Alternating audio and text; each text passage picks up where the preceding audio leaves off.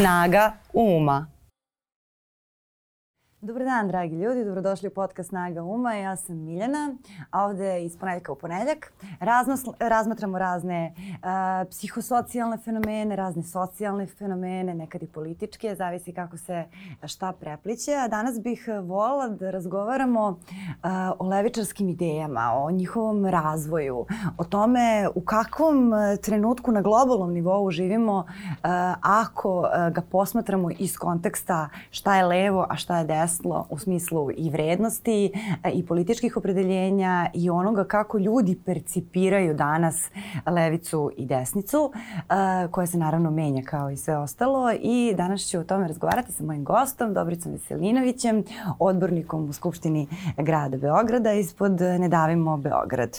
Dobrice, dobro mi došao. Hvala na pozivu. Kako si? Evo dobro. E, kako ti se čini ta, sada ova tema koju sam, koju sam navela kao neka početna, u kakvom mi trenutku živimo kada govorimo? Koliko ljudi su svesni uopšte šta je levica, koliko se ona menja?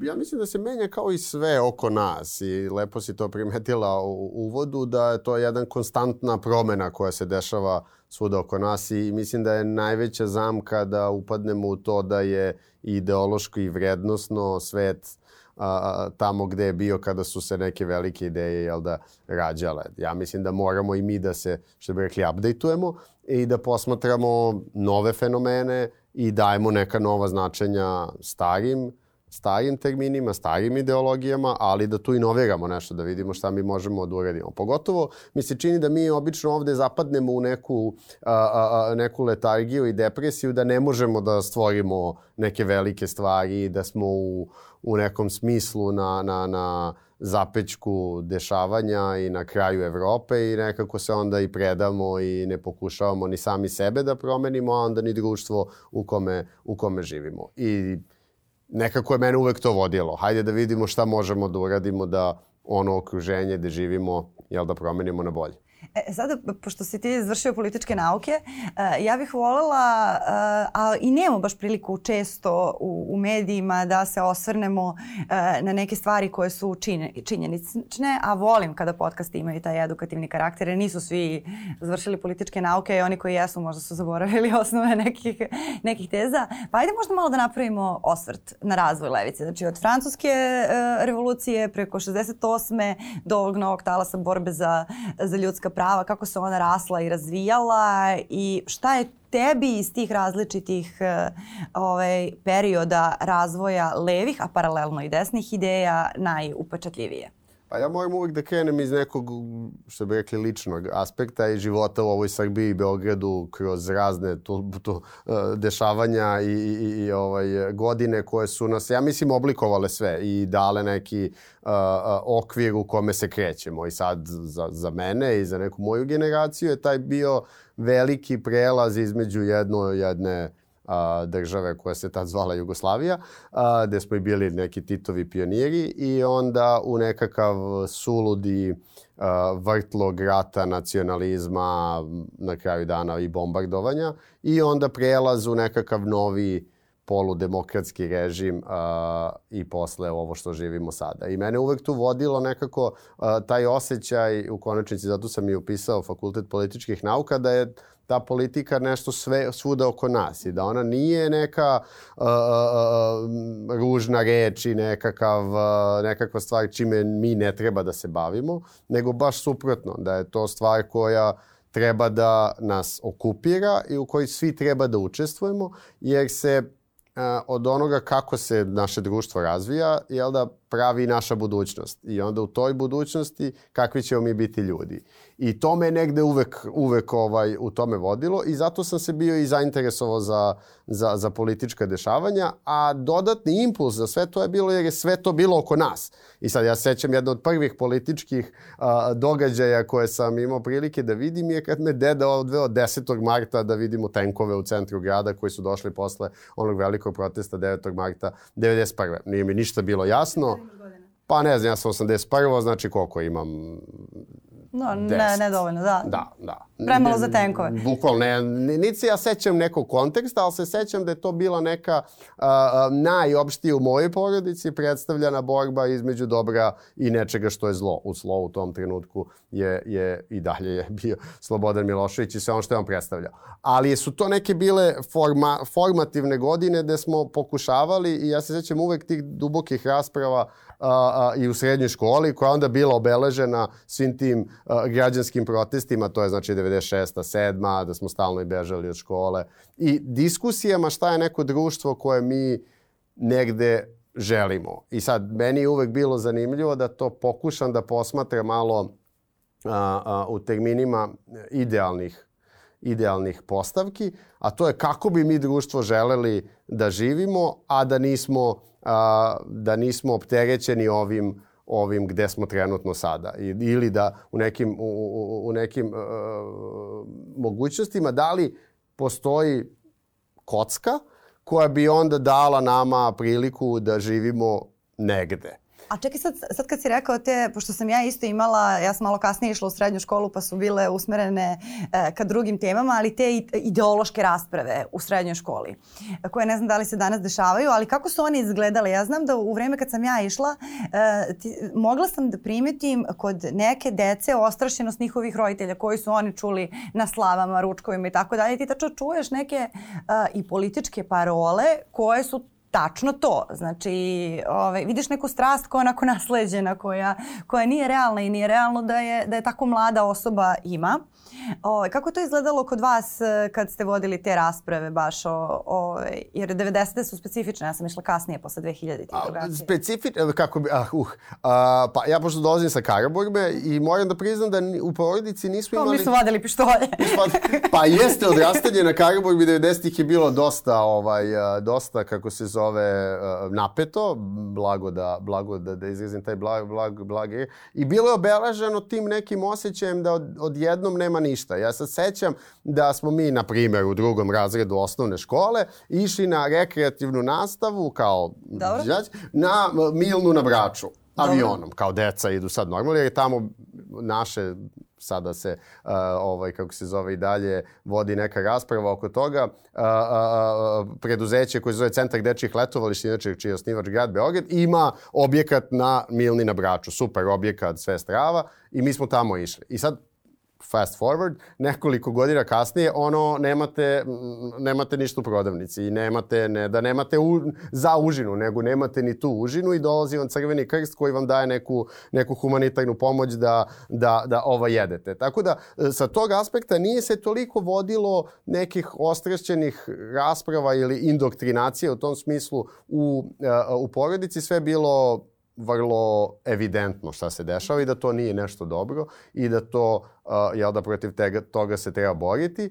Uh, mi smo u srednjim školama išli, u srednjoj školi išli na, na proteste nekako vrlo kolektivno. Aha. U smislu prevlađivo je, bar u našem razredu, ta neka grupacija ljudi sa kojima a, a, a, sam se družio, a i dalje se družim, je bila vrlo kako rekao, opozicijono nastrojena i bilo je sad tu nekih, sad kad se sećamo na tim godišnjicama mature, gde je meni izuzetno žao jer onda vidite da pola odeljenja vam više ne živi ovde. Yes, Nego su svi, svi su otišli u inostranstvo i to nekako ovako bude baš, a, baš tužno. A, bilo je nekih plus minus ideoloških izmamilaženja tada, ali nije bio to toliko jasno. Bilo je koalicija naprotiv. Bilo je više, da, mi protiv slobe. I to je bilo nekako, sad tu mi mladi, buntovni i kao sve što je predstavljalo taj neki stari sistem i ono što je bilo uh, predstavljeno strane države je, je, je zaslužilo da se protiv toga ustane. E, a sada pomenuo si e, to malo grublje okruženje na Karaburmi. Šta je to značilo? Mislim, ovo nas, sad nas ne gleda, nas slušaju samo ljudi iz Beograda koji to mogu da, da zamisle. Znači, ti si sada uh, dečak neki koji ulazi u adolescenciju uh, i okruženje oko tebe se menja kako, ko postaju Uh, kao šmekeri, ko su šmekeri. Pa ne znam ko postaju šmekeri, pa to, mene da, to nikada nije zanimalo na tom nivou, niti sam se ja nešto sa kao ložio da to bude ni, ta neka mafija, nije mi to zanimalo, nikad, da, nikad da, me da. nekako, ne, uvek sam bio neki kao tu polu štreber, ali sa svima ok, jer kao sam pošten i, i nekako, što bi rekli, Niko fin, nije fin dečko. Ovaj, pa nije. Uh -huh, Zapravo dobro. nije. A šta si primećivao? Ali glavna stvar je bilo nasilje. Uh -huh. Znači, nasilje je odjednom postalo toliko uh, uh, uh, uobičajeno i toliko sve prisutno da je... Uh, kako bi sad rekao, i prema nastavnicima, to kao se gađaju se neki nastavnici na času, maltretiraju se, nemam pojma, bacaju se torbe, tuča je stalno neka, znaš, stalno su tu neki noževi, neko oružje, ne. Sta, taj je, e, taj je, kako se zove, narativ i još je dodatno to pospešeno tim stalnim nemaštinom i tim stalnim osjećajem uh, kako bi rekao to, nema struje, pa je svuda i mrak, pa ono sve totalno nekako bilo uh, prestrašno, da je, da, da je to rezultiralo i u želji da se pobegne iz tog okruženja. I to je posle, jel da se videlo kroz srednju školu ili fakultet ili dalje. Da, da, to je, to je vrlo, vrlo specifično. Uh, I kad je bio Stevan Dojčinović ovde, uh, on je baš govorio o tom životnom putu kriminalaca. Uh, da maltene svaki dečak zna kako da postane kriminalac ako hoće, vrlo rano. Mm. Ti ne znaš možda kako bi postao naučnik, kako da postaneš teniser, koji je put. Uh, ali znaš kako da postaneš kriminalac. Pa da, ja mislim da jedna stvar... Ako hoćeš, da, da. Apsolutno, apsolutno. I to je nekako bilo toliko vidljivo da. da odjednom sad neki ljudi imaju mnogo više to novca, sredstava, kola, ne znam, to sad. Ti nemaš ništa, a oni sad imaju sve. I Ko je bio popularan tada u ka na Karaburmi? A Ko je tada vladao Karaburmom? Ne Nemam pojma. To je za Jelenu Zorić ili da, za da, nekog to je, to je za nekog ko je pratio to. Ovaj, ali da, to je, znači nasilje je bila glavna ta potka i da je sve bilo prosto dozvoljeno i da nikakav kao, kao sistem nije zapravo postojao. Pa dobro, sad se to, sada je to vršnjačko nasilje ponovo nekako i to je jedan od simptoma. Apsolutno. Meni je sad kad vodim ovaj, čerku u školu, uh, onda mi tu nekako, uh, šta je mi evidentno, pored uniformnosti koja postoji među jednim delom generacije, to kao sad ta neka navijačka kultura, nešto što se, da se ne neguje nešto što bi bila različitost, koja najiskrenije verujem da iz različitosti dolazi bogatstvo i da, je, da se svi time obogaćujemo kad su ljudi drugačiji ili drugačiji slušaju muziku ili drugačije se oblače ili u, imaju drugačije vrednosti, ideologiju, šta god, religiju, što vidim to, to, taj nivo uniformnosti koji onda prelazi u a, a, neku vrstu previš, prenaglašene nacionalnosti, ajde tako da kažem. Pa da, i, i tog insistiranja na, na, na, na, na verskom identitetu, koji mora biti to srpski pravoslavni, i jel da, državnosti, pa da, kod mladih. I onda kako to, pa ona je mala, ona ide drugi razred sada, ali kad sagledavam ovaj, celinu škole kao takve i kraja, vidim da je to to. I onda sad jedna ilustracija mi je bila uh, zanimljiva i, i nekako istovremeno i tužna, je kad idete tim hodnicima škole, sada sve što je izloženo, ili što je ono, radovi deči, ne znam, panoji i slično, je neka vrsta to istorijskih uh, uh, prikaza, to da li je uh, srednjevekovna Srbija ili su manastiri ili su sveci ili nešto tako, a da zapravo nema nigde što bi nema sad to svemir. Nema istraživanje nečega što je nepoznato, ili priroda ili nešto slično, nego insistiranje na nekom uh, identitetu koji je, je jeste preovlađujući uh, uh, i koji je prenaglašen, koji po meni tu postoji zato što postoji jedno veliko uh, uh, nedostatak samopouzdanja u to šta smo mi kao, kao društvo i onda iz toga nepostojanje da idemo. Ali to je baš zabrinjavajuće. Pa jeste. Jeste Ali i to je... da nešto promenimo. To je isto sada kada, smo, kada su mi gostovali ovde neke mlade feminiskinje koje, ne znam, na TikToku govore, ne znam, o seksualnom obrazovanju i tako tim nekim stvarima, one dobijaju ogromnu količinu poruka od mladih ljudi. Dakle, to su ljudi koji nemaju ni 20 godina, neki imaju 16, 15, um, o, ne znam, nevinost je jedina vrednost. Znaš, neke priče koje u naše vreme nisu postojale, kao, ali to, to baš ti vidiš neku religijsku neki religijski upliv i u to šta su seksualne slobode kod jako mladih ljudi. Ja imam ošće da to u našoj generaciji nije bilo. Da nisi ti sad imao neke klinice od 14 godina koji imaju strašno izražene stavove o pravu na abortus i o, ne znam, tome, o bilo čemu tog tipa, mm. kao. Pa, ja pokušavam da razumem, e, naravno bilo bi vrlo licemerno da kažem da razumem i da to kao se postoje neka nova generacija koja ima svo pravo da misli i radi šta god hoće. Ali mi se čini da tu postoji jedna stvar, a to je da u kompleksnosti sveta u kome živimo i nejasnoćama koje nam taj svet svakodnevno uh, govori i, i, i nekako lopata na nas, težnja za stabilnošću, sigurnošću, izvesnošću preovlađuje. I sada svako, poključujući nas, ne samo neki, neki mladi ljudi, traže za nekim vodiljama, za nekim smislom, za nekim trajektorijama sigurnosti, ajde da kažemo tako. I to mo ne mogu videti u trenutnom društveno-političkom sistemu koji je haotičan. Vi sad ne znate ni po jednoj temi nemate jasnu odrednicu. I onda oni beže u nešto što je preživelo taj test vremena, po znacima navoda, i održalo, ste, održalo se, a to je neka vrsta tradicionalizma, crkve i nečega što je tu da pruži tu utehu da postoji jedna nit. Ja mislim da to nije dobro. Uh, i mislim pa nije, da... kad ne možeš da kontrolišeš sve, taj kontrolišeš ženu. Mislim, to... da, to je totalno bizarno, a i tome se ide. I ja mislim da će to samo uh, uh, prouzrokovati dodatnu nesigurnost uh, i, i ne samo spoznaju i samim tim nemogućnost da se iskorači iz ovoga statusa quo koji živimo, koji čini, a demografija je tu neumoljiva, čini da ljudi žele da odu jer oni ovde ne žive dobro. A ja I oni vide da negde preko mogu bolje da žive i da se bolje ostvare, da budu uvažavani, da, da, da žive jedan dostojanstveniji ili bolji život.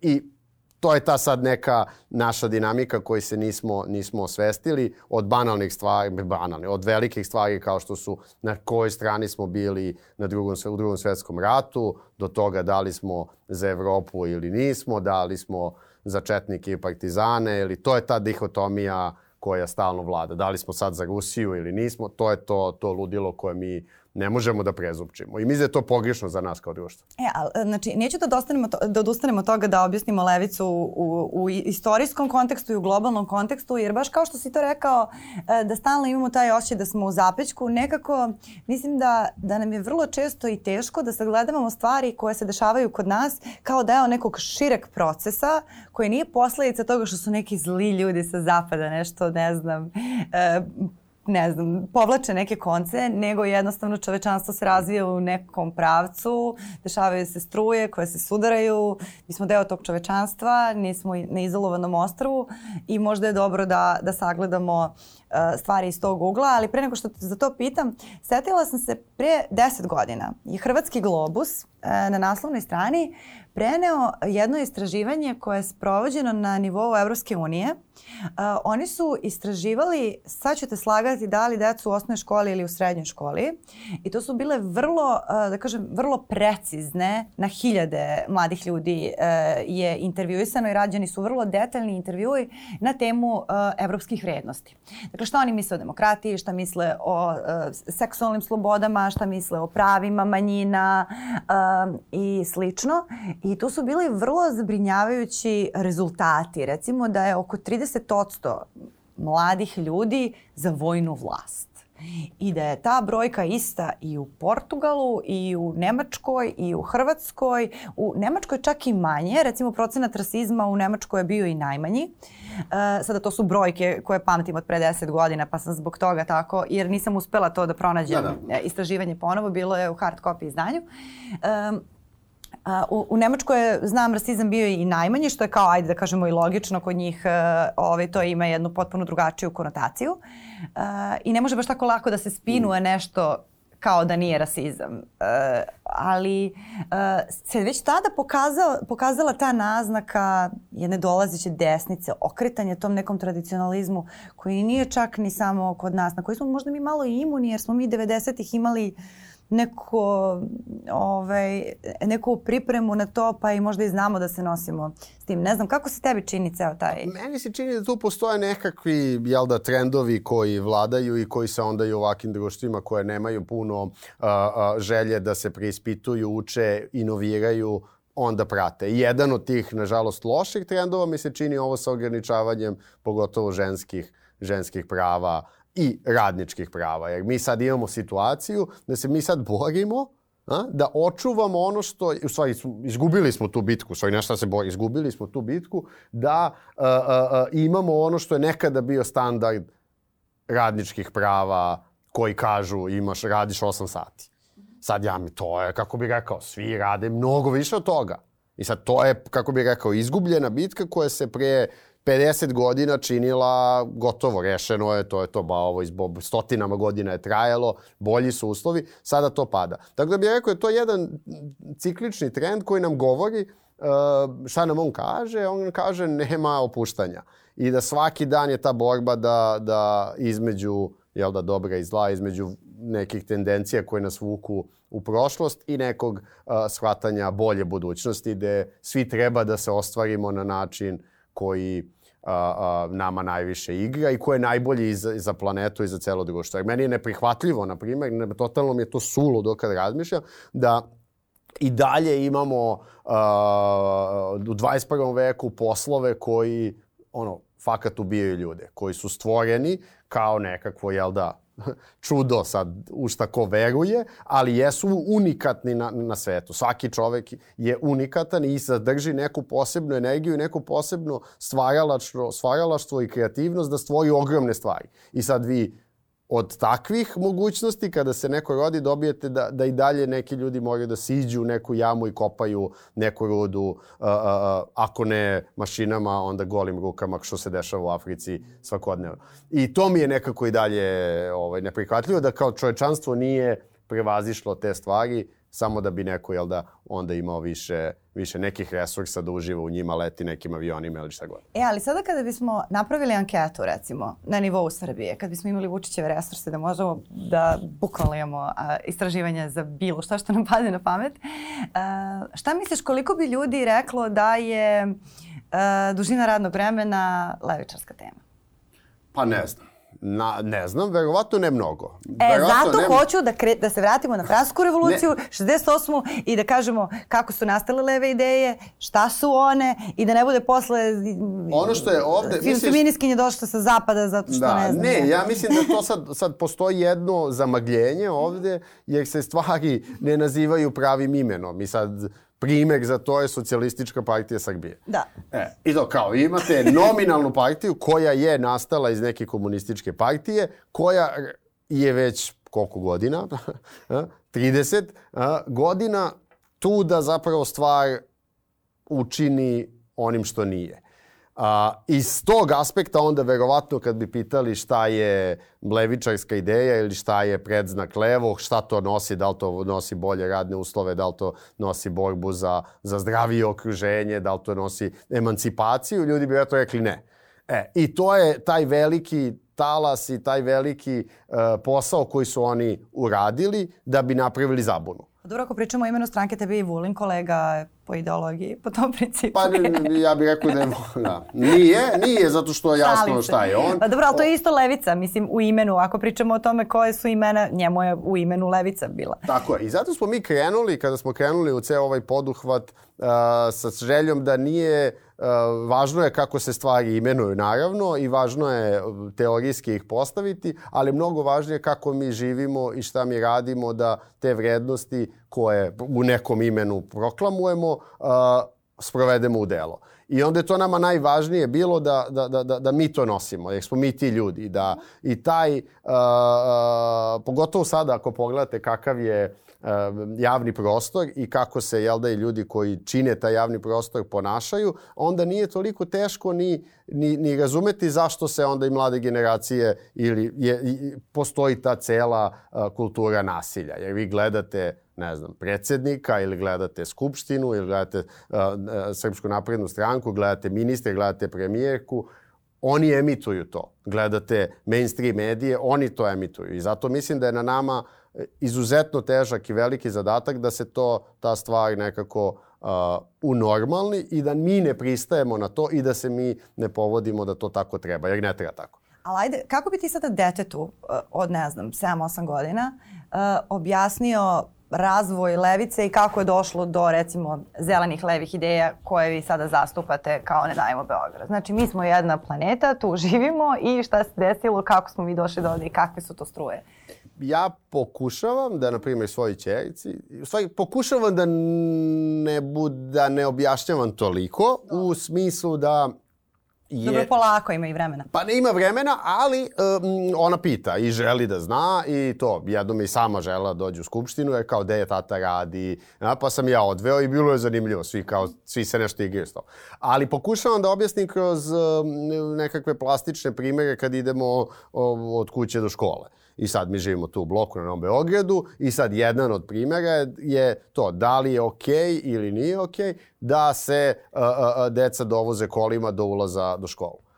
I sad kao, da li je to sad stvara stalno gužvu tamo ispred te škole, ono, na pešačkom prelazu su stalno neki incidenti, deca prolaze, ne gledaju, oni džipovi idu, znači totalni haos kao što možeš da zamisliš. Ovaj, I onda kroz to razgovaramo, da li je okej okay da ovde samo idu pešaci ili nije. I onda šta to znači da imamo javni prostor koji je dostupan svima, a ne ogradu gde, gde nešto treba da se a, a, a, plati da bi se radilo. I onda to pri, razgovaramo kroz primere koje su isto i u njenoj školi, kao što su, ne znam, balon za futbal, koji zauzima ceo uh, jedan deo školskog dvorišta, gde je neka vrsta javno-privatnog partner, partnerstva, gde je jako teško ući u trag gde zapravo pare od iznemljivanja idu, pa se onda taj kafić širi, pa a u konačnici imamo dvorište koje nikad nije renovirano. E, I kroz te takve primere, čisto da bi m, uh, uh, se napravilo ne jednoumlje, nego kao, e, ovo su sad opcije, pa ajde da vidimo šta se misli o tome. Tako da da, na taj, na taj neki onako na plastičan. ne, ne, ulaziš, ne ulaziš u istoriju i u... Pa ponekad kažem, ponekad kažem, pogotovo me pogodi kada vidim koliko imaju stvari koje im vrlo verovatno nisu potrebne. Jer mi se čini, u smislu tog stalnog nekog konzumerizma i um, dostupnosti tog nekog, ajde kažemo bogatstva, zašto ne? Pa jeste. A, zašto ne bogatstva? U smislu kao da ti stvarno treba još, ne znam, jedna, ne znam, sveska ili još Dobar, jedna igračka ili... Pa dobro, ne, da, da, pa ako da. ih ima deset, šta će ti, da. mislim, istroši sve, pa onda... Da. U tom smislu mislim da je izuzetno važno da se kroz to pokaže e, da li, da li nas to uh, čini srećni, uh, posjedovanje, posjedovanje uh, i da li je to zapravo dobro i za planetu. Jer u tom beskonačnom vrtenju stvari moramo se zapitamo i to ja obično kažem, to sad izgleda kao ono, e, a ko je ovo proizveo? Šta misliš da je ovo da je došlo do nas? Kakve posledice je posledice imalo i ko je ono, a, a, ko je to, ko je to i za koliko napravio, koliko je zaradio i onda kako se to transportovalo. Verovatno sam užasno dosadan u tome, ponekad kad sam nervozan, ali ovaj se trudim da, da imam konzistentno. Kao razvije neku svijest o tome šta tako su stvari, da, koja je tako, njihova tako, priča. Tako, tako, tako, pogotovo što se tiče, ne znam, hrane ili što se tiče tako nekih, ja bih rekao, beznačajnih uh, uh, uh, predmeta kao to, sad, veli, igrački. E, ti, si, ti si sad u Skupštini grada i pomenuo si to, uh, uh, tu jednu atmosferu koju emituju političari i političarke uh, vlasti, uglavnom, uh, u kontekstu načina razgovora, ophođenja i doprinosa tom jednom opštem uh, osjećaju nasilja. Uh, Šapić. uh, šta se tu dešava? Šta pa se s njim dešava? Da, ne znam, ne znam. Meni uvek bilo čudno i to, ovaj, kako se zove, e, valjda će biti prilike da ga nekada i ovako pitam, a, kad prestane da bude gradonačelnik. Jer vidna je promena i u odnosu na ono šta je tipično Šapićevo ponašanje. Ali on jeste jako ovako, mislim, baha, to je neki njegov. Ali a, ne, nije to sad meni to, kao, kako bih rekao, svako ima neki svoj stil, ali mi je interesantnost nekog razmišljanja uh, psihološkog profila ili da? bavljenja. Kao čovjek je, je fakat bio svetski šampion u tome što je radio, igrao neki vaterpolo. Uh, I ja sam gledao te utakmice, radovali smo se, bravo, sve super.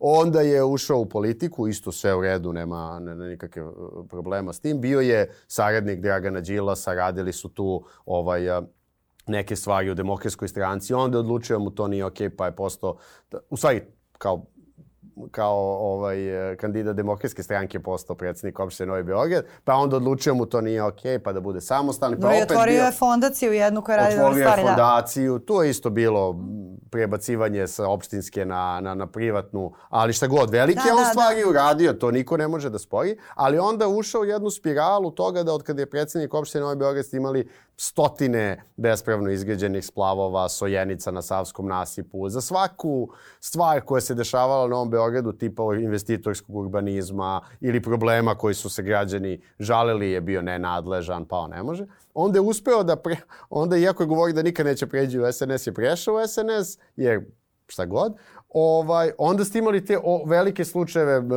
plagiranog doktorata, e, bespravno nadog, nadogradnje, pa onda slučajeve da je koristio e, automobil u službene svrhe pa naplaćivao neke milione dinara u opštini za, za prevoz jer je išao do Trsta. Mislim, totalno neke ono, kao, zašto to radiš? Kao, I kako je moguće da je to postalo normalno? Kako je to postao način da se uh, javni funkcioner ponaša? I onda po meni je bio vrhunac ona konferencija za štampu gde on uh, uh, prvo nema plan kako da reši prevoz, to je evidentno, i onda šikanira one jadne ljude tamo, e, njegove to... saradnike, u real time-u, što se kaže, u live prenosu. E, to me zanima zato što to je stvarno bilo šikaniranje. Mislim, nije to prvi put da ne. da vidimo da političar šikanira saradnike. Mislim, mi smo imali te slučaje sa predsednikom kad krene da, da preslišava i novinare koji su mu prijatelji na neki način, a i svoje saradnike. A je on takav, mislim, jer to bila, bila incidentna neka? Ne, on je takav. On tako uđe pa nešto se tamo svađa na, kad izađe za govornicu. Ja se stvarno trudim da na taj nivo, mislim...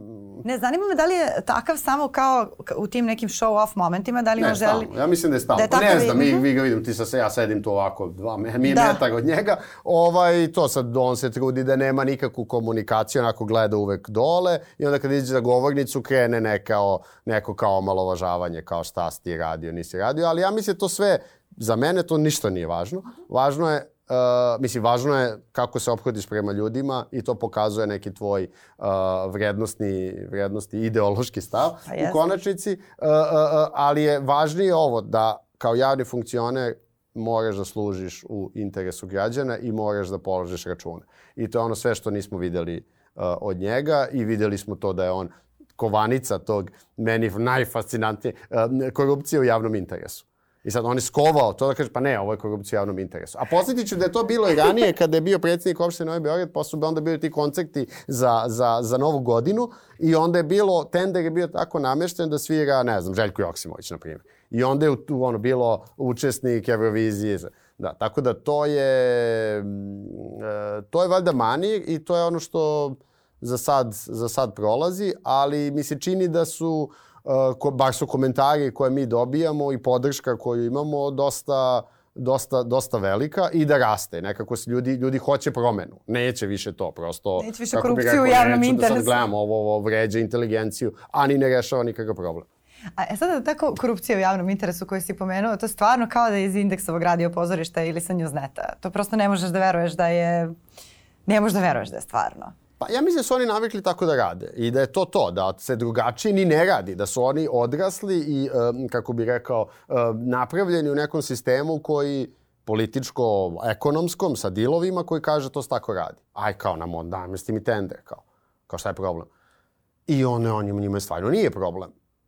I sad ta količina nameštanja tendera i kombinacija je fascinantna. Ja sam sad kao malo gledao, mislim sad i ranije, gledaju i omiljeni mi je primer bio tog bivšeg predsednika opštine Palilula, koji je, kako se zove, posle zaglavio u zatvoru, je, on je godinama, znači predsednik opštine ima, ne znam, 100.000 dinara platu.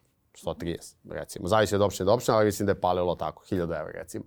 I on je godinama se na svojim privatnim Facebook profilima, Instagram, hvalio kako on uči da vozi avion. Kao, Kao če, znači to je nivo neki kao to, ima sat koji vredi, nemam pojma, 20.000 evra. Vežite a pritom je 93. godište. Vežite se, polećemo. Bukvalno. To je fascinantno. Ali ja stvarno mislim da je na nama da pokažemo da može Izvini drugačije. Izvini što se molim te, ali... Da, ne, pa to, smešno je, ali... Zato što je to prirodna reakcija, izvini, izvini što sam te i prekinula, to je prirodna reakcija, mi se smijemo bukvalno da se ne bismo obesili u nekim situacijama jer čovek uči da vozi avion. Ne da uči da vozi što kao kako rekao, nema ništa pro, nema ništa sporno u tome, ali ja stvarno mislim da nam fali mnogo više skromnosti u javnom prostoru od javnih funkcionera i to ne one lažne skromnosti, nego hajde da se stvarno ponašamo ovaj, i delamo u ono što verujemo.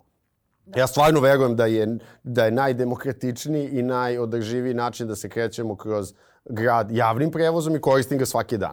Šapić ne misli, on misli nešto drugo. Okej, okay, to je legitimno. Hajde da vidimo šta je, šta je kako se zove, najbolje za sve nas. E, sada pomenuo si uh, da, da je taj, to obhođenje prema saradnicima ideološka kategorija. I uh, bukvalno kako si to rekao mi je palo na pamet da ja nisam sigurna, recimo, ja mogu kada, ne znam, izađe Boško Bradović i kaže da je on desno orijentisan ideološki političar. To mi se uklapa jer on ima neko obrazovanje, da je došlo do tog nivoa da on uh, može da percipira ideologiju da bi je imao. Za neke ljude uopšte nisam sigurna da su oni došli dotle da mogu da kažu ovo je moja ideologija. I, i, I ne znam da li mi često miješamo taj neki ono gazda sam kuće stav sa desnicom da li je, mislim, kao, nije, nije svaka bahatost desnica, nije svako busanje u grudi i pričanje o Kosovu desnica, pa sam samo malo sa tobom to htela prosto da razmenim mišljenja šta misliš o tome i da li raz...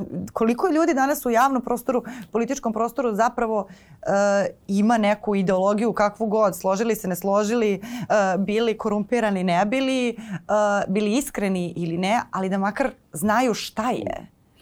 Mislim da se namenski i kroz obrazovanje i kroz, jel da, političku sferu godinama ubijalo to da postoji bilo kakva debata ili dijalog o bilo kom pitanju. I da se kroz to, u stvari, ubilo da mi imamo nekakve stavove i da u nešto verujemo, nego je sve nekakva uh, zamagljeno je, zabašureno je, uh, I onda se to proverava ne u, u javnom prostoru, nego na kaficama s prijateljima iza zatvorenih uh, vrata, gde onda te ljudi e, a šta ti misliš stvarno o ovome? Šta iza ovoga stoji? E, I da je to nekako postalo glavno. Postali smo legalisti u svoja četiri zida. Tako je. Tako je. I sad, to, ono, nemoj da se mešaš, nemoj da ti sada tu nešto mnogo, kako se zove, talasaš, pusti, gledaj samo sebe, što vodi u neki individualizam koji neće uh, neće razrešiti, razrešiti ništa posebno. A što se tiče tog nekog, ja bih rekao da da, da ispod je ideološke rasprave. Više je rasprava o nekom, uh, sad, da, pristojnosti. Da, to, da, pristojnosti, skromnosti ili bahatosti i, i korupciji.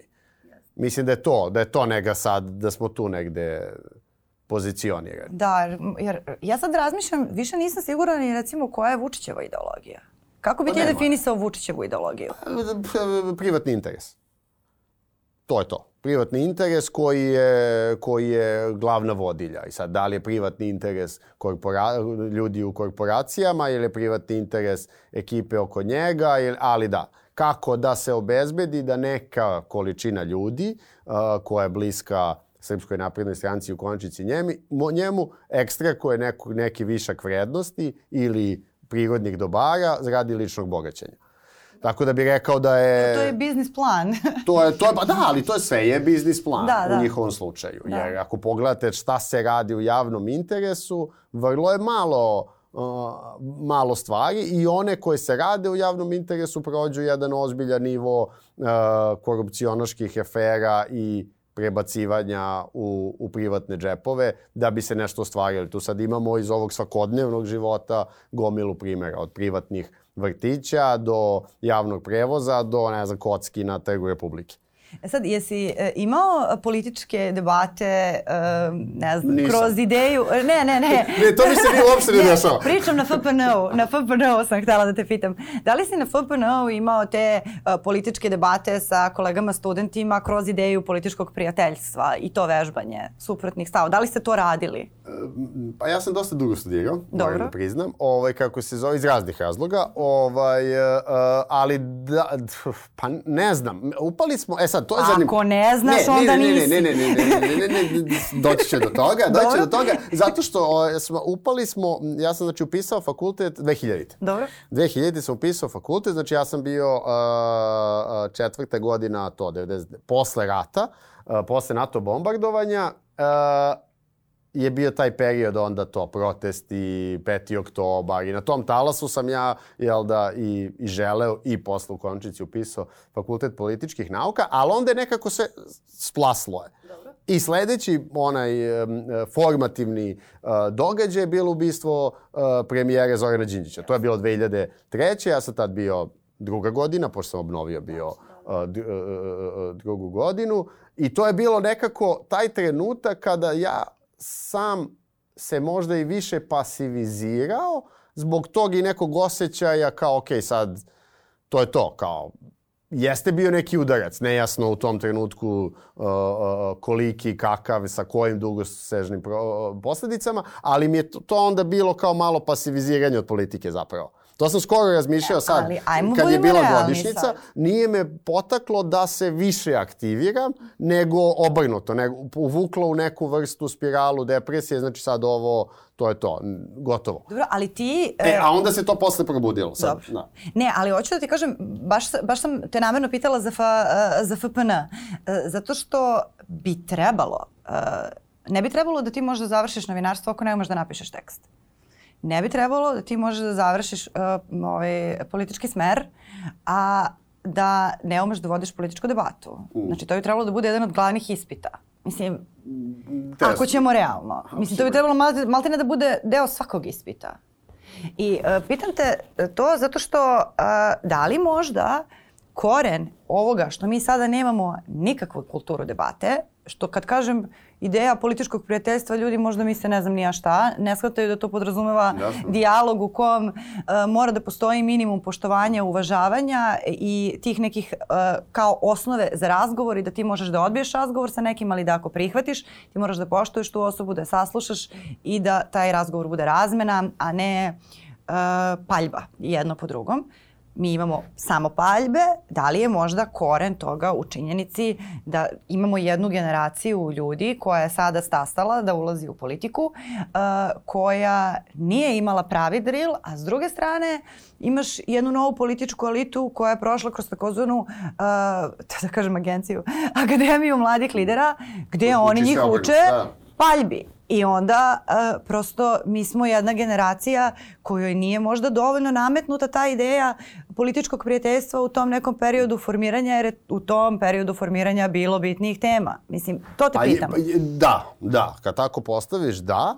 Ovaj, ali ne bi sve, ovaj, ne, neću sve na loše svaljile na fakultet, ne. pa makar ima svojih problema. Mislim, prilično sam sigurna da niko ni na FPN-u nije mogao zamisli ovo. Tako da ne, ne pričam na to, nego me zanima prosto kao pokušavam da pronađem neku uzračno posledičnu vezu. Pa ja mislim da svi ovaj, snosimo deo odgovornosti, što isto tako i u našem svakodnevnom životu mi te prostore ne otvaramo. I da li nas mrzi, da li nam je teško, da li mislimo da je nemoguće i sto puta, pa i ti sigurno, si imala tu situaciju, ma ne mogu, ovaj, ne, to je sad kao s ovim da pričam, to nula poena. Ali, da, Ali meni Mislim je to, da je to jedna borba, stav. borba svakodnevna. Ja da, se da. trudim, i to mi je sad u ovom novom iskustvu, u gradskoj skupštini se užasno trudim da shvatim šta ljude tera da, da budu tamo kao prvo pod jedan, a onda da se ne bave stvarima. I vi sad imate tu situaciju da gradska skupština ima nekih 110 odbornika. Ja mislim da nekih, a, a, a, a, i sad neke kolege će se verovatno naljutiti, a, ali recimo bar 70, 80 do 90 odbornika ništa ne zanima. Što je, što je greška. Oni dođu tamo nešto glasaju, oni su potvorili oni dnevni red, nisu se bavili. Eto su u, u nekim slučajevima i glasali protiv uh, uh, interesa njehove lokalne zajednice, da, li, da se izgradi neki soliter ili da se uh, provuče neki put ili, mislim, kako bih rekao, znaš, to je sad ozbiljan problem. Ti sad dolaziš, ti sad dolaziš iz, ne znam, neke grotske i sad ono glasaš tamo da se ne provuče tramvaj do, do tebe, nego da se uh, budu dve trake Mislim, totalno neke sulude stvari. Uh, I to mi je interesantno onda bilo. Da razumem šta ljude tera da uh, se ne uključe. Da li je to neka partijska disciplina, što ti kažeš, da li je obuka gde se formatira šta to treba da znači, kako, to, kako, je, kako je ponašanje i da im je onda to lakše nego da... Možda ih boli uvoz. A ne, ja ne verujem u to. Ja, ja kao, ne verujem. Ja kao naučni ekspert, možda samo boli. Ne, ne, ali onda je to, onda je to ozbiljan uh, gubitak za sve nas. Me, meni ovako s polja deluje kao da jedan deo ljudi boli uvo. Ja, ja, opet da se vratim na ono što da sam... Da ih boli uopšte da razmišljaju, uh, da, da uključe mozak da bi razmišljali o posledicama toga što ih boli uvo. Znači, mm. da, da, da, ih, da nije sad ono kao ja gledam kako se ovi ljudi muče i boli me uvo za njih. Ne, nego kao boli me uvo da ih pogledam. Ja mislim da svaki čovek ima u sebi uh, uh, uh, empatiju i da svaki čovjek u sebi ima, sebi ima kreativnost koja može da promeni svet oko njega. I mislim da samo to treba izvući. I da je to težak posao, ali da to nije nemoguće. I mislim da ja kad gledam, mislim da svako ima i znanje i ima, i ja stvarno verujem u to da, da, da, da, da su zapravo ljudi dobri. Da to zlo je u jako malom broju ljudi i da to možemo vrlo lako da neutrališemo. I uključujući i, kako bih rekao, ljude iz, iz, iz SNS-a ja verujem da tamo ima veliki broj ljudi koji koji su iz nekih ono iskrenih pobuda ušli u to neka politika nešto, ali da su ih onda ove tamne sile uh, uh, uh, malo po malo uvlačile i pokazivale onako kako ne treba. E sada nama je da spasimo te ljude. Ove, pa mislim sad kao uh, pro, u prošloj epizodi bio je psihijatar dr. Igor Odosavljević koji je govorio uh, o manjku empatije kod ljudi uh, i, i koji je to procenat uh, i kako se on manifestuje i zbog čega su neki ljudi i oholi i bahati i tako dalje. Uh, tako da bi to bila, bio recimo dobar duel između vas dvojice koji ne bi bio politički nego bi bio na nekom ljudskom nivou, ali je definitivno većina ljudi to što ti kažeš. Mislim, Pa ja, Nisu svi sa empatijom, ali većina ljudi jeste, tako da ti stvarno želim, želim sreće. Mislim da je to onako i lepo gledati na stvari tako možda. Uh, Ove, sad kako privodimo ovu kafu kraju, uh, ostaje samo da vidimo, ajde, uh, ti si danas imao neke sastanke da vidimo šta je ono čemu se ti nadaš na tom kratkom roku, pošto si rekao da, da gledaš kako možemo da promenimo uh, od malih stvari da krenemo pa da idemo ka većim, ajde, koje, koje su ti neke želje za neku kratku budućnost? Kratku budućnost, da. pa zavisi šta je blisku, kratka budućnost. Blisku budućnost, pardon, kratku budućnost. E, sad mi je užasno teško da, da, da, da ide proleće, ovaj, e, pa ja gledam e, to, šta možemo svi da uradimo je da vidimo kako nam stoji zgrada i kako nam izgleda ispred zgrade i kako, da li možemo s komšijama da se organizujemo da nešto uradimo, da promenimo ono što je zapušteno, uh, zaboravljeno, pokvareno, polomljeno, uh,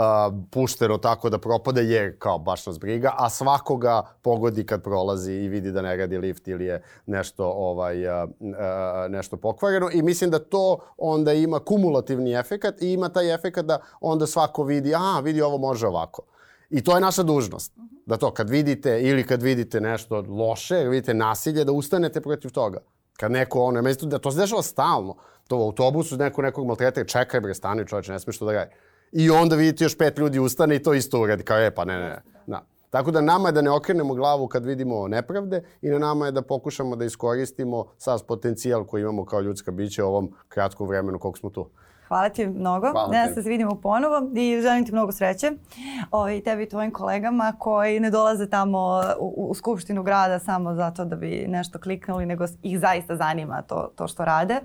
A, hvala i vama na vremenu i pažnji. Danas smo razgovarali ovde sa uh, Dobricom Veselinović um, o odnosu između po, političkih ideja i realnosti i života. Uh, mi smo tu i sledećeg ponedeljka na Nova RS. Prijetno. Thank you.